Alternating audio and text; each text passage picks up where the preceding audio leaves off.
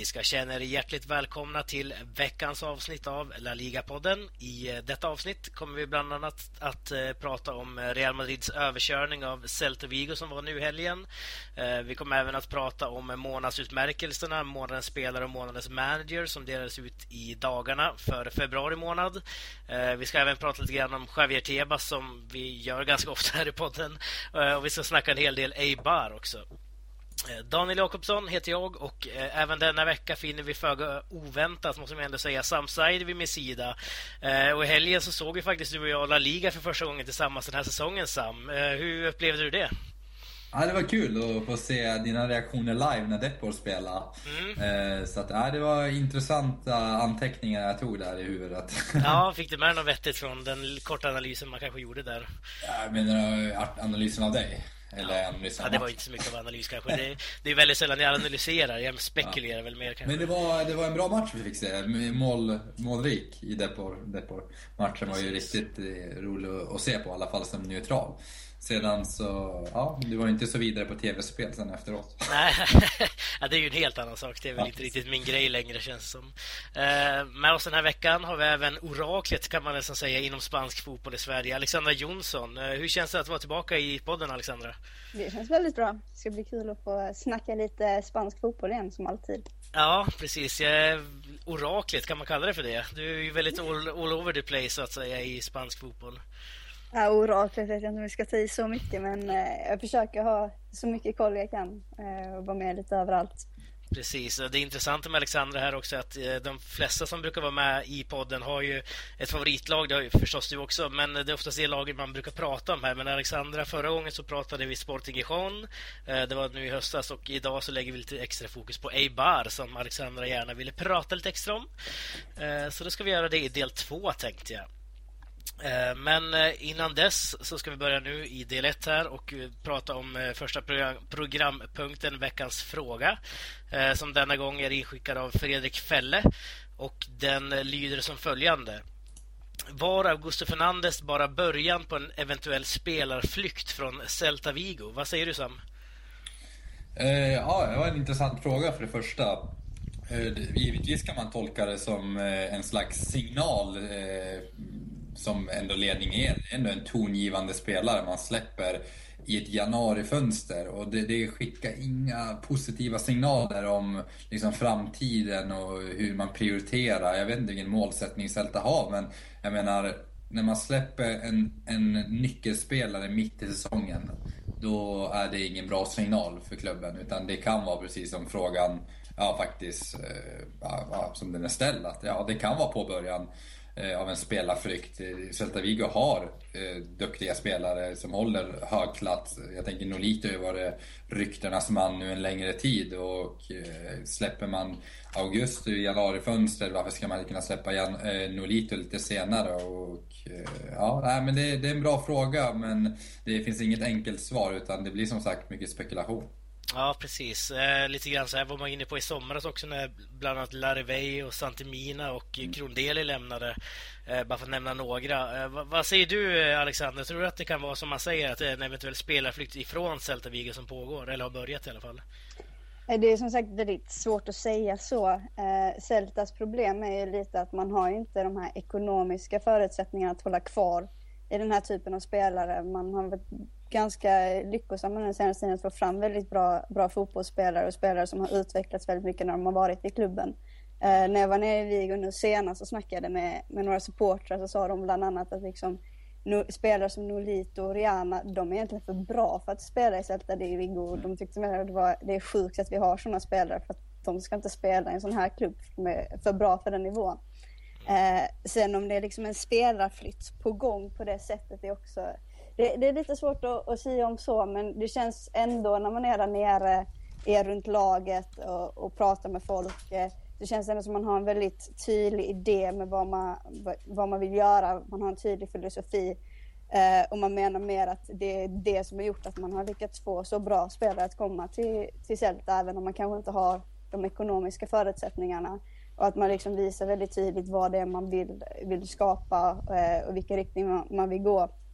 Att Augusto lämnade var väl på ett sätt lite av en chock, men det handlade väl väldigt mycket också om hans stora vilja att vilja ta det här sista möjligheten på något sätt ändå i hans karriär att gå till en stor klubb som Atletico. Det var liksom sista chansen. Eh, det är ju också, är också snacket som har gått runt Nolito och snacket med Barcelona.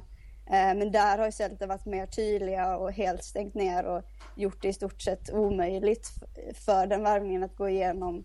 Eh, vilket gjort Nolito väldigt lite arg på klubben eh, och skapat lite problem på det sättet.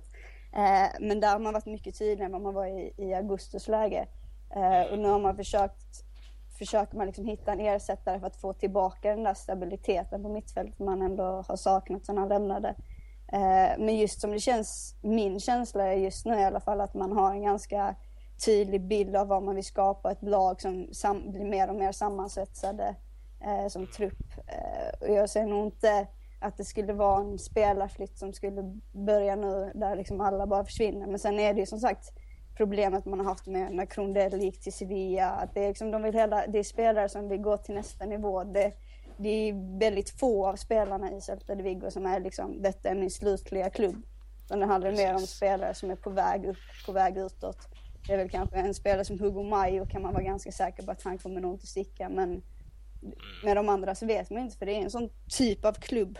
Den nivån de ligger på i ligan eh, och liksom vad det är för slags klubb i, i sig. Att det liksom inte är någons slutdestination. Eh, så där, där kan man egentligen aldrig riktigt vara säker på det sättet. Nej, eh, det är en väldigt svår fråga såklart och det, det, man kan ju bara spekulera i det här också eh, som vi nu gör liksom. Eh, men jag hoppas du fick svar på din fråga i alla fall Fredrik Fälle och vi tackar för den som du har skickat in till laligapodden gmail.com och vill ni att vi ska ta upp någon fråga som ni tänker på eller något ämne, någon synpunkt och så vidare så är det bara att skicka det också till laligapodden gmail.com så tar vi kanske upp det nästa vecka. Vi har faktiskt fått ett eh, gäng frågor nu, vilket är väldigt kul måste vi ändå säga. Det var några veckor sedan när vi inte hade någon fråga, men nu, nu finns det några att jobba med. Mm. Jag tänkte att vi går vidare och ska snacka här om eh, Real Madrids kross av nyss nämnda Celta Vigo här då. Real Madrid vann alltså med 7-1 i lördags. Eh, vilket är väldigt stora siffror med tanke på att Celta Vigo har ju faktiskt en väldigt bra säsong här nu. Och Real Madrid har varit lite grann på mellis de senaste veckorna i alla fall. Eh, hur upplevde du matchen Sam? Eh, tycker du det var rättvist till att börja med att resultatet slutade 7-1 till Real Madrid? Ja, det är svårt att säga. Jag menar, för första halvlek, det stod bara 1-0. Det är ju en kollaps som sker, eh, vad ska man säga, i andra halvlek. Speciellt andra Eh, andra hälften av halv, halvleken. Man fick ju lite hopp igen när Jago Aspas kyligt reducerat till 1-3.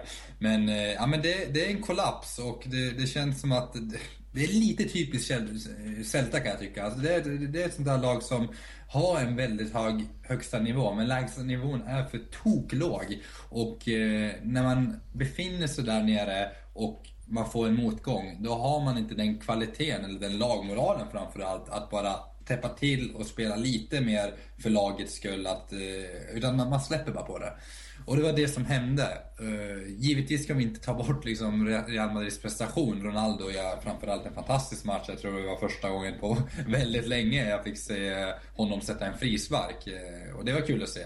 Uh, jag gillar ju hans tillslag på bollen och, och det, jag var alltid var lite fundersam varför han inte gör fler frisparksmål. Men nu, nu fick han göra ett. Så att, eh, ja, men det var kul att se eh, Real Madrids anfallsfotboll. Det, det såg ut som att det var kul i andra halvlek att spela, men det, det, var inte bra. Det var inte bra försvarsspel från Celta håll. Nej, precis. Sju insläppta mål här. Alltså Alexandra, hur går det till egentligen i en sån här match där faktiskt Celta Vigo kanske hoppades på att få med sig en poäng mot ett ganska sargat Real Madrid ändå? Jag tyckte, om jag ska vara tyckte jag den här matchen om första och andra halvlek och, och skillnaden som var på de två lite visar hur Celta de Vigo har varit den här säsongen över, överlag. Eh, det, är ett, det är ett lag som har med två lag i stort sett. Du har Celta de Vigo med självförtroende och du har Celta de Vigo utan självförtroende. Och när de går ut med självförtroende då är det nästan till ett topplag, i, ett topplag i Europa skulle jag nästan säga. Så bra kan de liksom bli som de visade när de vann 4-1 över Barcelona eller när de var nere på Sanchez Pizjuan och vann där eh, och så vidare. Att när de går ut med det självförtroendet och har det en hel match eh, och spelar den fotbollen som de kan spela så är de väldigt, väldigt svåra att slå. Eh, men sen så fort de tappar självförtroendet då blir de i stort sett nästan ett bottenlag i La Liga på det sättet de spelar fotboll. De otroligt enkla misstagen de gör defensivt. Och när man säger defensivt är det liksom inte bara försvarslinjen utan det är hela laget när de spelar defensiv fotboll. Eh, de, som man såg mot Madrid så kollapsar de totalt. Liksom första halvlek eh, så stundtals så känns Celta som det bättre laget på planen. Eh, har lite otur, man får inte in, in bollarna när man har bra lägen.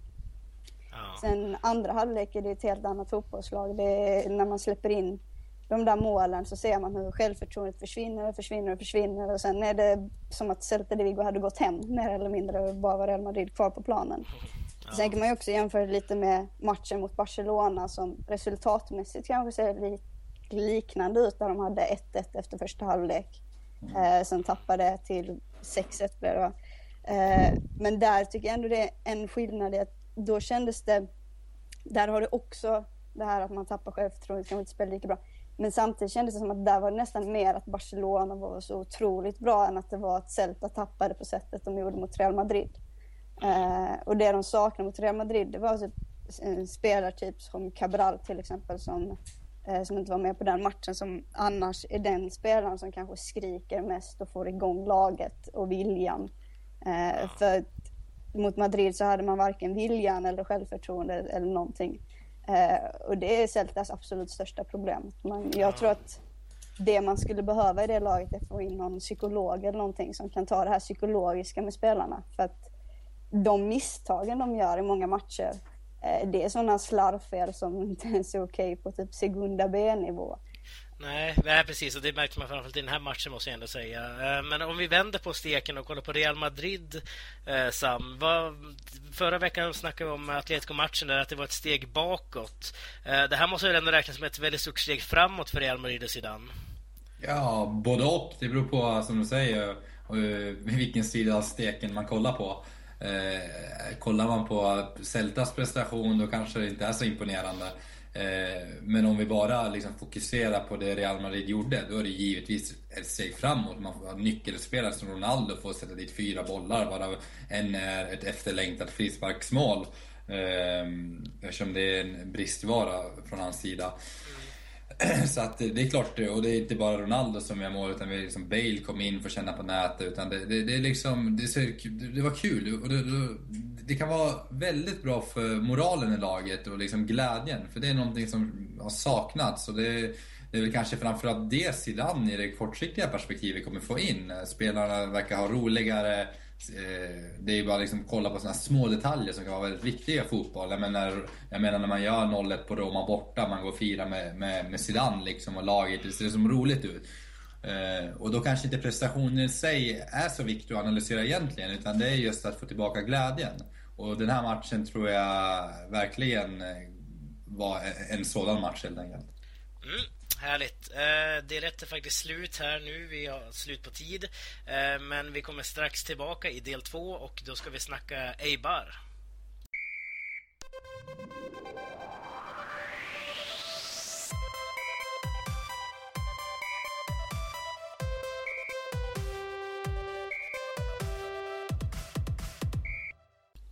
Efter en mycket lovande inledning på säsongen har baskiska Eibar stött på lite trubbel måste man ändå säga den senaste tiden och har faktiskt förlorat fyra raka matcher i ligan. I helgen gick man på en ny nit när eh, Barcelona blev numret för stora för det gamla industristadslaget. Eh, 0-4 slutade matchen. Eh, hur upplevde du den matchen, Alexandra? Ja, det, var, det såg ju bra ut kan man nästan säga i den början för Eibar. Det var hyfsat jämnt där under första halvlek. Eh, men jag tyckte ändå det kändes, de pressade på Barcelona ganska bra och tufft och gav liksom inte Barcelona tid att, att andas. Men det kändes ändå som att sättet de pressade på blev lite fel så att de fick inte ut så mycket som de hade kunnat få ut av det och istället sprang de slut sig själva. Eh, så därför tyckte inte jag det var helt förvånande när eh, siffrorna till slut rann och blev 4-0 eh, i slutet av matchen. För det kändes som att, eh, att Eibar inte riktigt skulle orka den där pressen på det sättet i, i 90 minuter, vilket de inte heller gjorde. Nej, eh, Eibar har ju haft ganska stora problem med topplagen här. sen de kom upp till premiären. Både Barca, Real Madrid och Atletico Madrid har inte vunnit någon match, förlorat alla. Eh, Sam, hur upplevde du den här matchen till att börja med? Och eh, brukar ofta se ut så här när Eibar och Barcelona möts liksom i ligan? Ja, det har inte mötts så ofta, men eh, ja, grejen är att det var jag skulle vilja bygga vidare på Alexandras analys, att det såg väldigt bra ut. Att det känns som att Eibar hade ganska bra koll på händelserna ut, ute på planen. Eh, ja, även efter 0-1 målen, men i ärlighetens namn så var det faktiskt enligt mig fyra individuella prestationer, eller en var ju straff då, så det var ju lite otur att det tog armen där. Men eh, de här första stötarna, 0-1 och 0-2 målet, det är ju två individuella prestationer från Messi. Alltså den där passningen kommer ju från ingenstans egentligen. Det är ett inkast, han tar ner den och stillastående slår en kvalitetsboll som jag inte tror många spelare i världen kan slå sådär på löpande band som Messi slår. Eh, och då är det ganska, ja, det är ganska nice kan jag tänka mig, eller tänka mig, är det ganska nice Liksom som Barcelona-supporter att ha en sån spelare i laget som när motståndarna gör ett bra jobb kan stå för det lilla extra och öppna upp matchen. Och det är väl lite det som kan förklara för att sedan rinner iväg lite. För att eh, det är inte, när man får jobba i uppförsbacke mot Barcelona, det är redan uppförsbacke från sekund ett, då, då, då blir det så här. Ja, eh, som jag var inne på här i inledningen så Eibar gick ju väldigt bra ändå måste man ändå säga under höstsäsongen och i vintras och sådär. Eh, men nu Alexander har det gått lite neråt eh, ändå måste man ju säga för Eibar. Eh, vad tror du den här forms, eh, den svaga formen beror på? Jag vet inte riktigt om man ska kalla det jättemycket svag form. man ska ändå kolla på vilka matcher det är de har tappat i och om man bortser från Las Palmas så är det inga inga lätta matcher mot Barcelona, Sevilla och, och Celta. Mm. Eh, det, förutom Barcelona-matchen så har det bara varit uddamålsförluster. Eh, och sen ska man ju komma ihåg att Eibar kontra i stort sett alla lag i La Liga har en, har en väldigt uppförsbacke om man kollar på allt runt om, om man kollar på truppen i sig, på ekonomin på laget, var man kommer ifrån. helt logiskt sett så ju Eibar inte ens ha en chans, knappt en chans i andra divisionen. Eh, och ändå så ligger de så pass bra till som de gör i La Liga. Eh, fjolsäsongen så såg man ju också hur de hade en fantastisk första eh, period av La Liga och sen så i den andra så tog man bara vad det var åtta poäng på de sista 20 matcherna. En av de sämsta perioden något lag i La Liga någonsin har haft. Eh, men det är väldigt stor skillnad den här säsongen skulle jag säga. det känns inte riktigt som att man är på, på väg ner i en lika sån dipp som man gjorde förra säsongen. Utan man är lite mer förberedda, man spelar på ett lite annorlunda sätt. Eh, har fler saker som talar för en. Eh, nu har man också i de här senaste matcherna det gått sämre har man saknat en av sina bästa spelare den här säsongen som är Keko som varit skadad. Eh, så det kan ju också självklart haft en, en betydelse i att det har börjat gå lite sämre. Ja, eh, vad, vad, säger du Sam? Tycker du Alexandra är inne lite grann på hur Eibar var i fjol och kontra nu då. Känner du att det inte, som Alexandra, att kanske oron inte är lika stor i år som i fjol? Eh, när man helt sjönk i tabellen och faktiskt kom trea sist i tabellen. Nej men alltså den här oron bygger ju faktiskt egentligen på fjolåret, vad som hände i förra året. Och då, det är därför det kanske blir lite större än vad det annars hade varit. För att ska man försöka få en lite mer nyanserad bild så är det precis som Alexandra säger. Det, det är fyra, fyra matcher man, eh, ja, speciellt tre av dem, man inte egentligen ska ta poäng. Eh, så att möjligtvis Las Palmas-matchen då, som man kan se som lite oroväckande att man inte ens gör ett mål i och för sig. Mm. Eh, men jag, tycker man ska verkligen bara titta på den matchen snarare. De andra tre är bara bonusmatcher. Så enkelt är det. Mm. och jag tror snarare att fjolårets eh, liksom, kollaps, om man får kalla det så, eh, snarare har stärkt det här laget på något sätt. Att jag tror att man har lärt sig så att man, man kommer göra allt för att inte åter, återupprepa samma misstag. Men det är väl lätt. Det kan bli motsatt effekt också, att det blir en sån här skrock. Att bara, åh nej, nu händer det igen. Mm. Så det är liksom en dubbelfara där. Men sen ska man komma ihåg en annan sak också. Det är att det laget som de har den här säsongen har de 17 nya spelare. Eh, jag tror det bara är runt 6 spelare som är kvar från fjolsäsongen. Vilket, och de har en ny tränare. Så att hos spelarna så är det väldigt få som var med och upplevde det som hände förra säsongen. Mm. Så därför tror jag mer att det som finns av den här oron, det är liksom mer bara att det kommer ihåg detta och att spelarna tänker på det. Och mm. kanske då liksom försöker, inte vill hamna i det där läget men inte mm. den situationen som det hade varit om det var samma lag, att man går ner i samma, i samma ställe igen på, på något mm. sätt. Utan det blir liksom eh, Eh, en annan situation på det sättet. Utan det kan egentligen kanske se det positivt att man har det från förra säsongen, att man liksom har det i åtanke och inte liksom börjar slappna av för att tro att man redan har klarat målet som är att stanna i La Liga. Mm.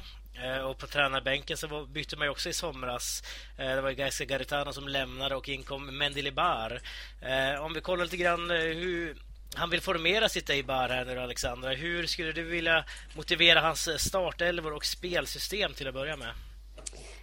Ja, han brukar ju oftast använda, har det blivit 4-4-2 som kan ses som en ganska defensiv formation. Men sen sättet som hans lag spelar på så har det varit ett mycket mer offensivt Eibar den här säsongen än fjolsäsongen. Som det blir att man får jämföra med hela tiden.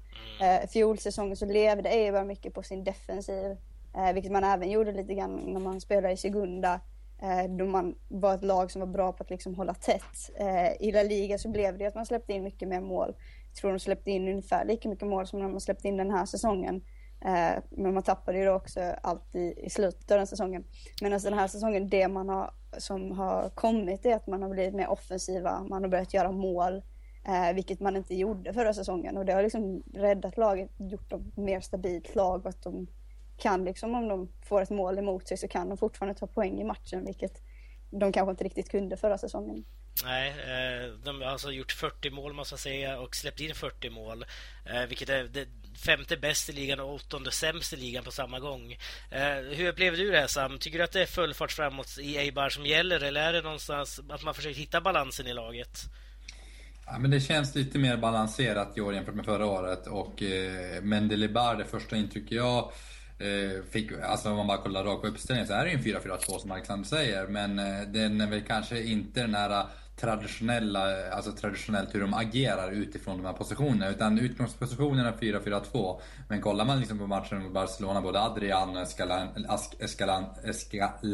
som han heter, eh, har ju väldigt höga utgångspositioner och sätter väldigt aggressiv press. Så att eh, det är inte att man faller av och bara täcker. Nu blir det i och för sig så stundtals mot Barcelona just för Barcelonas spelskicklighet. Men eh, tittar man på de tidigare matcherna så är det väl höga utgångspositioner. Man försöker, försöker hålla upp laget och eh, det är väl det som Även om utgångspositionen är en traditionell 4-4-2 så agerar man lite mer modernt. Mm, och den kanske viktigaste spelaren i laget har varit Borja Baston. Det tror jag alla håller med om ändå. Eh, med 14 mål, visst är det den noteras för nu? 16, 16 till och med. 16 mål av Borja Baston. Ja, det, ni hör ju, det är väldigt höga siffror ändå. Mm. Eh, hur viktig är han för det här eh, Eibar, Alexandra? Är han en spelare som är oersättlig eller finns det andra spelare som är viktigare? Självfallet är han en otroligt viktig spelare just på det jag var inne med innan. Att det man saknade förra säsongen väldigt mycket var att det var ett lag som inte kunde göra mål utan man bara försvarade. Eh, nu speciellt med, med Borja Baston har man liksom fått in en riktig målskytt som kan göra de här avgörande målen som kan bli helt livsavgörande för Eibar eh, om man kollar framåt. Eh, så det är självfallet att det är en väldigt viktig spelare. Men sen utöver honom så har man även fått igång många andra spelare som blivit viktiga som jag var inne på innan, till exempel Keko.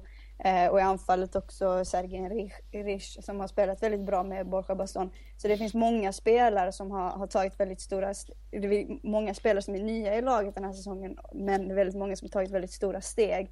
Eh, och fått in och blivit väldigt viktiga för laget. Och Eibar som lag skulle jag aldrig vilja påstå, där är det liksom, man snackar aldrig egentligen om en stjärna, även om Borja har blivit lagets stora stjärna denna säsongen så är det en klubb där man liksom försöker alltid se helheten i att det här är ett lag, det är ingen som är viktigare än någon annan och det är lite så de spelar sin fotboll också, att det är liksom en laginsats alltid. Eh, det är inte som Borja Baston är ju liksom ingen Messi precis, så att han kommer inte kunna göra allting själv. Eh, men självfallet är han en jätteviktig spelare för laget, men eh, det är liksom en viktig del i, i det stora hela. Precis, och det, det kanske präglas också av staden som jag var inne på i början här. Det är ju en gammal industristad ändå.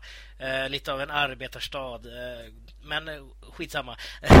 tror, tror du man skulle kunna köpa upp honom här nu då, Alexandra? Har man de ekonomiska möjligheterna att köpa honom från Atletico Madrid exempelvis nu? Det, det tror jag blir svårt. Eh, som nämnt tidigare så är Eibar ett lag som de, som inte har de bästa ekonomiska förutsättningarna. Det är, en, det är ett lag som, en klubb som alltid försöker att leva efter den ekonomin man faktiskt har till skillnad från i stort sett alla andra spanska fotbollsklubbar mm. eh, som använder pengar de inte har, hamnar i stora skulder och så vidare. Eibar är antagligen den enda fotbollsklubben i Spanien känns det som, som aldrig haft skulder. Eh, och det är ett lag som, där de är väldigt viktiga med att de inte vill få det heller. De har till exempel, om man ska ta det en sak bara för att måla upp bilden, med deras matchtröjor. De, varje spelare får en matchtröja per säsong. Vill de ha fler så kan de få det, men då får de köpa dem själva.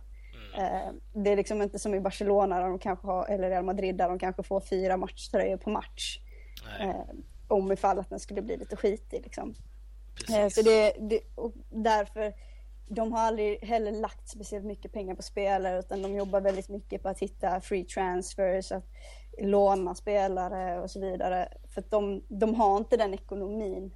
För det är en liten klubb, de har inte ekonomin för att gå ut och, och köpa spelare dyrt. Och, eh, så jag tror inte att man kommer försöka köpa loss eh, Borja Baston utan då kommer man försöka hitta någon annan spelare som eh, är enklare och förhoppningsvis gratis eh, att ta in och sätta på den positionen. För det, det är helt enkelt så Eibar jobbar.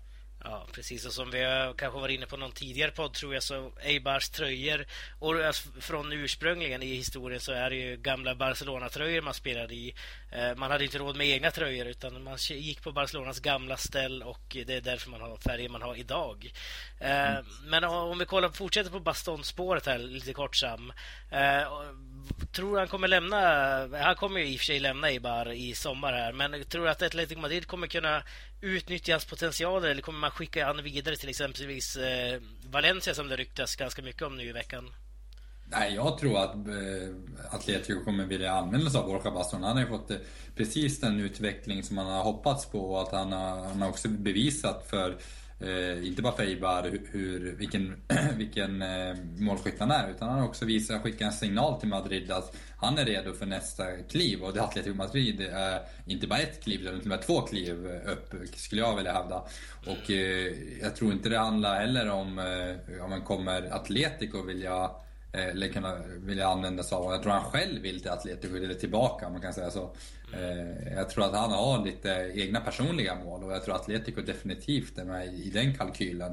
Och eh, att Atletico gjorde, gjorde sig av med Jackson Martinez och man har, man har plats helt enkelt för att testa nytt. Man har en Griezmann som är given men sen är det ganska Vieto, Torres, liksom det roteras ganska friskt där. Ehm, så att eh, jag tror han också själv känner att han kan komma till Atletico och konkurrera på ett helt annorlunda sätt nu. Mm. Härligt. Eh, vi har snackat över tiden lite grann här på del två med Eibar Fokus. Eh, men vi ska sätta stopp här nu och i del tre, som även är den sista, ska vi prata lite grann om månadens utmärkelser och Javier Tebas.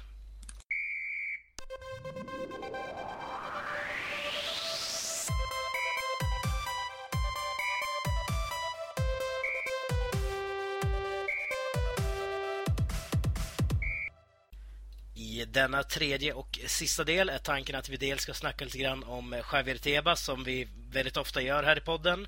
Eh, men vi ska även avverka februari månads utmärkelse som delades ut nu i fredags. Så det är där vi kommer börja den här delen.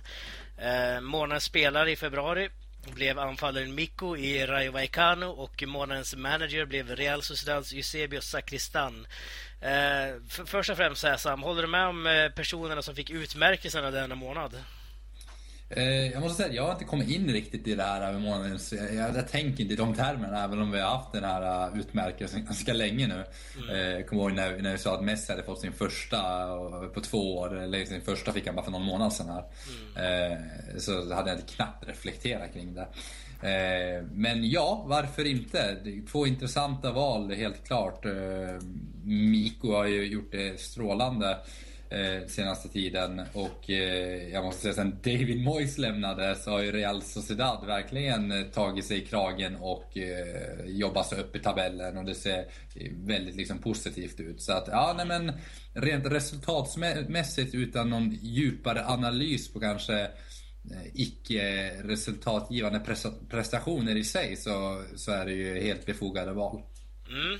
Eh, om vi kollar på hur det har gått här nu Real Sociedad, tre segrar, ett kryss i eh, februari och Miko gjorde ju fyra mål i fyra olika matcher.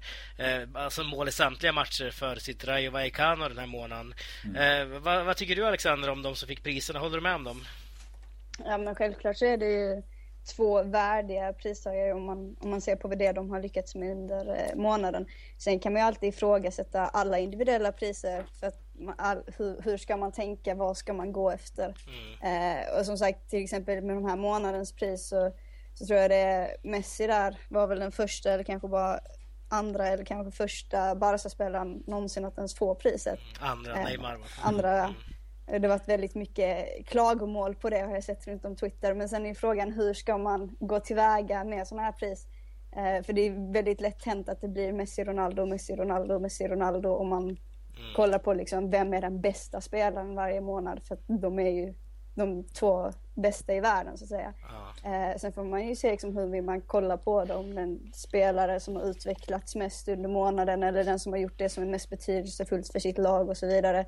Sen blir det lätt att det blir en spelare som gör mycket mål glömmer man bort mittfältarna och det går liksom inte att liksom, jämföra eh, väldigt mycket. Jag har väldigt mycket problem som ni kanske har med individuella priser. Just ja, av det... den anledningen att jag tycker det är väldigt svårt att jämföra.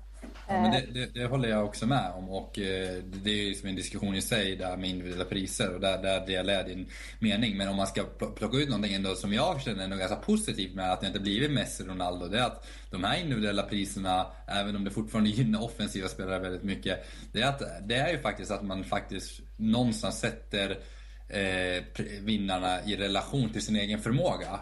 Eh, som vi har varit inne på tidigare, eller som jag har varit inne på, det är att man mäter ju Messi och, Ronaldo med andra villkor. Med all rätt tycker jag också, för annars hade det blivit som Alexandra säger, Messi, Ronaldo, Messi, Ronaldo. Eh, och då tycker jag att det är härligt att vi har ett individuellt pris som faktiskt sätter det i relation till liksom vad som förväntas av spelarna och vad, vad som eh, liksom deras egna förmåga och, och, då blir liksom priset, jag vet inte, det blir li, lite bättre kan jag känna. Det blir lite roligare i alla fall. Sen kan man så förstå de här Twitter-kommentarerna att ja, men det är orättvist men eh, ja, det är inte det. Allt handlar ju om hur man mäter beroende på rättvisa. Och sen kan man i en annan dimension. Det, det är fortfarande problematiken där men, men hur mäter man defensiva prestationer med offensiva? Men jag tycker ändå det är ett, ett, ett liksom ett modernt sätt att, eh, att mäta. Eh, att man får fram mycket fler spelare genom att mäta på det här sättet. Mm. Exakt, det var faktiskt dit jag ville komma, eh, som du kom in med just nu. Att det, på det sättet tycker jag det här, just att folk klagar på att det inte är Barca-spelare eller Real Madrid-spelare får det. Eh, men jag tycker, ser det precis som du säger som en positiv grej, att det visar att då lyfter man också upp de här spelarna som folk kanske normalt inte hört talas om och mm. får folk att börja kolla på dem och lägga ett extra öga när de spelar. Eh, så på det sättet tycker jag det har blivit ett väldigt positivt pris att man inte alltid ger det till Messi och Ronaldo utan att mm. de faktiskt kollar på, liksom, på allt så att säga. Men sen är det som sagt alltid svårt att, att jämföra. Mm. Eh, ni är båda eniga om att eh, pristagarna Mikko och Sakristan kanske var det, var... det var rättvist att de fick de här priserna, men om vi ska rent hypotetiskt slänga fram två stycken andra som ni tycker är värdiga av de här priserna. Om vi börjar med dig Alexandra, vilka två skulle du då vilja lyfta fram? Ja, det är svårt alltså. Eh, som sagt, det beror ju helt på hur man tittar på det, men eh, en spelare som har varit helt fantastisk i stort sett hela säsongen, men även denna månaden är ju Arduris i, i Athletic Bilbao och gjorde hattrick mot ditt kära Depor. Precis. Eh, bland annat första spel, eller sjätte La Liga-spelare någonsin vid 35 års ålder att göra hattrick. Eh, så det är en spelare som jag skulle vilja lyfta fram i sådana fall. Eh, på tränarfrågan eh, är det ännu svårare. Jag har liksom inte alls tänkt på det. Nej. Eh, så jag vill faktiskt säga pass där för tillfället. Precis, och det är lite svårt nu också när vi faktiskt är i mitten av mars månad och analyserar hur det var i februari såklart. Ja. Eh, men samma fråga till dig då Sam, om du skulle lyfta fram två stycken, vilka säger du då? Ja, jag kan nog inte bidra med två, men om jag rent bara spontant tänker en spelare som jag skulle vilja lyfta fram är faktiskt Filippe Luis som jag tycker har blivit på nytt född på och det har även Simeone varit ute och sagt att det här är liksom den gamla Luis från 2014. Han eh, blev lite lost i Chelsea men han, han har hållit en mycket hög nivå och eh, det kunde man verkligen se i derbyt mot Madrid. Han ligger ju till och med bakom målet där. Nu vet jag inte om den matchen var i februari, var den? Ja men det var den. Det var den. Eh, så det var den, den räknas in där. Men generellt sett även i januari och februari, han har verkligen Ja, minus kanske det här övertrampet mot Barcelona när han tappade kylan. Men mm. rent prestationsmässigt så är det en spelare som håller hög nivå tappade lite något år, eller ett år där, men är verkligen tillbaka på den absolut högsta nivån igen. Mm. Tränare passar jag också, sorry. Ja, det är ingen fara. Ja. Det får man göra i sådana här sammanhang. Eh, vi går vidare till Javier Tebas tänkte jag, som nu eh, säger att han vill ha ett förslag om att ändra Copa del Rey. Hans förslag har han ju inte gått ut med, som han väldigt sällan gör. Eh, och min tanke rent spontant här nu är att han kanske... Han vill ju ofta göra La Liga mer lik Premier League. Och då kanske jag tänker att Copa del Rey är väl inget undantag där eventuellt. Att man kanske släpper in alla amatörlag i ligan eller i cupen och eh, att eh, storlagen kliver in mycket tidigare, kanske i tredje omgången redan istället för att kliva in i ett direkt åttondelsfinal eller sextondelsfinal. Ehm, ty tycker du att det känns som en intressant idé, Alexandra, om det nu är det som Tebas är ute efter här, eller vill du att man ska fortsätta med cupsystemet som man har nu? Att ta in La Liga-lagen så att säga tidigare kan ju skapa en, del problem om man tänker på de här storlagen som spelar ute i Europa också. Nu har vi väldigt många spanska lag som gör det för tillfället. Mm. Eh, det blir väldigt många matcher eh, under en säsong. Nu lär de väl dock under i början av kuppen i sådana fall spela med sina eh, reserver oftast i sådana fall. Men det kan bli väldigt mycket matcher eh, och om man ska vilja ha det bäst, den bästa typen av fotbollen så vill man ju ha spelare som är i bra form eh, och inte liksom har spelat slut sig själva. Mm. Eh, så det skulle jag nog gå emot. Att ta in amatörlag, det är en bra fråga. Jag har inte riktigt funderat över det. Men då blir det ju liksom en mycket längre sträcka av, av kuppens spel så att säga. Mm. Och, kommer ta mycket längre tid eh, och det blir väl på något sätt eh, lite svårare för eh, de här roliga uppstickslagen att ta sig hela vägen till de riktigt stora matcherna i slutet för att det blir en längre väg att ta sig dit. Mm, precis, nu är ju kuppen för, öppen för La Liga och eh, Segunda när det var bara. Eh, jag tror inte att den är öppen för mm. lägre divisioner än så. Jo, det är den väl för Cornella mötte ju Real Madrid Ja okej, okay. ja men Segunda B har man väl släppt in också då kanske. Ja. Um, av proffsligorna säger vi då, inga amatörligor i lägre divisioner än så då. Uh, men samma fråga till dig Sam, tycker du att man ska höja statusen som han nu är ute efter. Nu är det här rent hypotetiskt, vi har inte en aning om vad han tänker förändra. Det här är min, mina tankar. Uh, vad, vad, säger du om det här, att man släpper in amatörlag exempelvis i turneringen? Ja, men det, jag tycker det finns inte så mycket att fylla i från eh, tidigare analys. Men eh, det, det har sina för och nackdelar. Men just för att Spanien är så framgångsrika ute i Europa så kommer det bli trubbel för många lag. Man kanske också förhindrar också eh, de här enstaka lagen, från, som inte amatörlag men som kanske är från segundan att, att liksom kunna skrälla. Mm. Men eh, å andra sidan så släpper man ju in fler så jag vet inte. Det, det, det finns några, jag har inte reflekterat så mycket kring det. Eh, men jag skulle inte vilja ha in en helt ny cup, att vi har fyra tävlingar helt plötsligt att förhålla oss till.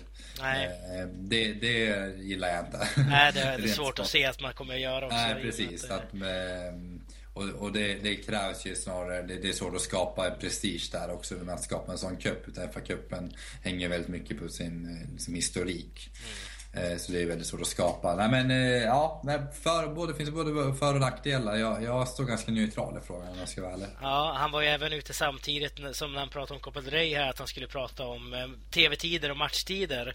Och då vill han eventuellt ändra matcherna till Premier Leagues tider på lördagar, det vill säga 16.00 och 13.45. Eh, och då blir det en ren konkurrens här. Just nu har vi ju en match på lördagar i La Liga som är klockan 16. Mm vad säger du om det här Alexander? Tycker att det är bra att man konkurrerar med Premier League eller ska man ha tiderna man har nu? Jag menar, kolla på exempelvis en augustimatch blir ju väldigt varm om det ska spelas 13.45. Um, som någon som verkligen försöker uh, sälja in La Liga i Sverige och eh, få mer, få ett större coverage så att säga runt om La Liga så är jag väldigt emot att sätta det samtidigt som Premier League. Mm. Eh, för då kommer ju, om vi bara kollar här i, i Sverige där Premier League har ett mycket starkare fotfäste än vad La Liga gör, har så kommer det bli färre som tittar på La Liga. Kommer få därför även få färre, mindre bevakning av La Liga. Det kommer inte bli lika mycket så, och så tror jag det kommer se ut i, i flera länder. Kanske inte alla, för La Liga har större påverkan i vissa länder och så vidare. Mm. Men eh, om man vill göra La Liga större och få eh, större bevakning runt om, det, runt om i världen så är det inte ett smart drag att gå ut och försöka konkurrera med Premier League. Nej, eh, håller du med Sam? Både och. Eh, jag tror att det blir lite förenklat att säga att det inte blir bättre i världen. Världen är ganska stor. Eh, däremot i Sverige, ja, där är det inte smart ur det europeiska perspektivet helt enkelt. Men ur en världslig eh, eller global eh, synvinkel eller perspektiv så tror jag tvärtom. Då kommer fler människor som lever i andra tidszoner Eh, få fler matcher tillgängliga och slippa kliva upp tre på natten. Eh, för sanningen är ju liksom att de flesta i världen bor inte i Europa. De flesta bor utanför Europa. De flesta bor i, i andra världsdelar som inte är synkade med de europeiska tiderna. Eh, och där finns det en marknad som växer otroligt mycket som man har redan börjat anpassa sig efter mer och mer. Och det finns de som är emot det. Jag, det finns många delar jag tycker är skitjobbig själv. Jag tycker att det är för jävligt. Man, man är ju lite så romantiker och man blir så här, tyvärr, jag är ju konstruktiv människa. Jag har alltid så här, jobbat förändringar kan vara goda. Men ibland så tar den här romantiken emot, eller romantiken emot helt enkelt och historien emot. Men eh, jag tror man eh, ja, får försöka se i det större perspektivet att eh, det finns en marknad som kanske behöver tillgodoses. Eh, men såklart ur ett mer svenskt perspektiv eller europeiskt perspektiv så är det ju förjävligt. Mm, ja, det är det verkligen. Men eh, det beror på hur det går här nu. Vi får se om man får igenom det här temat eller inte. Eh, men det droppar vi så länge för nu ska vi faktiskt börja tippa lite matcher här. Eller tippa en match i alla fall. Vi börjar närma oss slutet av programmet här och eh, våran näst sista programpunkt efter Sams veckolista är ju faktiskt veckans match. Eh, förra veckan så tippade vi andalusiska derbyt Real Betis-Granada. En match som slutade 2-0 till Real Betis. Eh, per Isaksson som var med förra veckan gissade 1-1 eller tippar 1-1. Eh, jag tippade 0-1 till Granada i och med att Real Betis är ett av ligans sämsta hemmalag. Men de vann ju hemma och det tippade ju du på Sam. Det tippade ju 2-1 till Real Betis så det blir ytterligare poäng för dig i den tävlingen. Ja. Kul för dig. Tack, tack. Eh, denna vecka så tänkte jag att vi skulle tippa Las Palmas Real Madrid. Eh, Alexandra, vill du börja tippa? Det kan jag göra. Eh, det, nu har ju Real Madrid fått lite glädje efter den här Celta-matchen. Får vi se hur det går i Champions League också bara. De är inte helt i toppform, men de ska väl inte ha några problem med Las Palmas. Säger väl en kan ta som Barcelona klarade Eibar en 0-4. 0-4 till Real Madrid, ja. Eh, Sam, vad gissar du på? Jag gissar på 0-2. Jag har ingen motivering, men jag håller... Eh, jag höjer varningens finger för Valeron. Ja, det är klart du ska. Jag vet aldrig. De passningarna kan ställa till det för vilket lag som helst. Eller vad säger du Daniel? Ja, han är ju väldigt vass på dem och jag gillar framförallt att han eh, ibland har flyttats ner i banan i Las Palmas som pivot. Eh, vilket var väldigt osannolikt för några år sedan i Deportivo i alla fall. Men då ska jag tippa här och jag går ju faktiskt emot er här. Jag tror inte Las Palmas vinner, men jag tror på ett oavgjort däremot. För man är väldigt väldigt stark form just nu. Eh, tre raka segrar. Så jag gissar på 2-2 i den här matchen. Las Palmas Real Madrid. Och får jag in den så är det två väldigt starka poäng jag behöver i våran lilla tävling vi har här. Som inte går så bra för mig, ska vi säga. Eh, ja men härligt, då har vi det. 0-4, 0-2, 2-2. Det är bara att gå ut och tippa på en gång. Eh, Sam, ska du köra veckans Tokiero och veckans Faber? Jajamän, veckans Tokiero. Vi hyllade precis det här med att sätta Ja, jag måste säga att podden, jag vill inte hylla mig själv här, men jag, jag, brukar också försöka lyfta fram spelare i relation till förväntningar och förmåga och så. Eh, och jag kanske har fått lite, lite arga eh, lyssnare att när, när jag kollade igenom den här listan, jag tror inte jag har valt Ronaldo en enda gång och nu såg jag väl den att det fanns ett tillfälle. Gör man fyra mål ändå. Han gör en snygg frispark som jag faktiskt tyckte var riktigt härlig, härligt att få in. Och då så ja men det är tillfälle att ge den till Ronaldo nu. Mm. Eh, så Cristiano Ronaldo får veckans Trocero och det är välförtjänt tycker jag. Mm. Dina eh. Barca-sympatier försvann lite grann där alltså? Ja, lite. Jag måste ju försöka vara lite, lite objektiv även ja. om det inte kommer gå fullt ut alltid. Eh, men det är helt klart välförtjänat. Eh, Faubert å andra sidan har jag varit inne länge på Sporting Gijon och eh, Abelardo. Nu blir det väldigt anti-Barca här helt plötsligt. men den gode Abelardo har inte fått till Gijon den senaste tiden. Jag tror man har två segrar på hela 2016. Men det är väldigt många förluster även innan, i slutet av 2015. Så att eh, Abelardo har mycket att jobba på och ska man undvika en nedflyttning så måste han få upp sina gamla takter även på tränarbänken. Mm, han var ju väldigt förbannad måste man säga efter den här matchen också mot Bilbao. Mm. Eh, blev väl ut, utvisad till läktaren också va? Visst vart så? Jag tror det. Ah. Och ja, klagar i media att han kan stänga av mig 50 matcher. Det bryr mig inte. Mm. Ungefär så lät efter, efter matchen. Eh, håller du med om listan Alexandra? Ja, jag tyckte det lät, lät rätt bra. Mm, ingenting du vill ändra, förändra eller tillägga där? Nej, jag tycker han klarade det bra. Ja, det gjorde du bra Sam. Grattis. Han får godkänt. Ja, härligt. Men eh, tack så jättemycket för att du var med den här veckan Alexandra. Det var jättekul. Det var kul att få vara med. Ja, det kommer mest troligt en gång till i alla fall innan den här säsongen är över. Vi behöver alltid lite expertis. Eh, och eh, vill ni vara med i podden så får ni jättegärna skicka in ett meddelande till laligapodden gmail.com.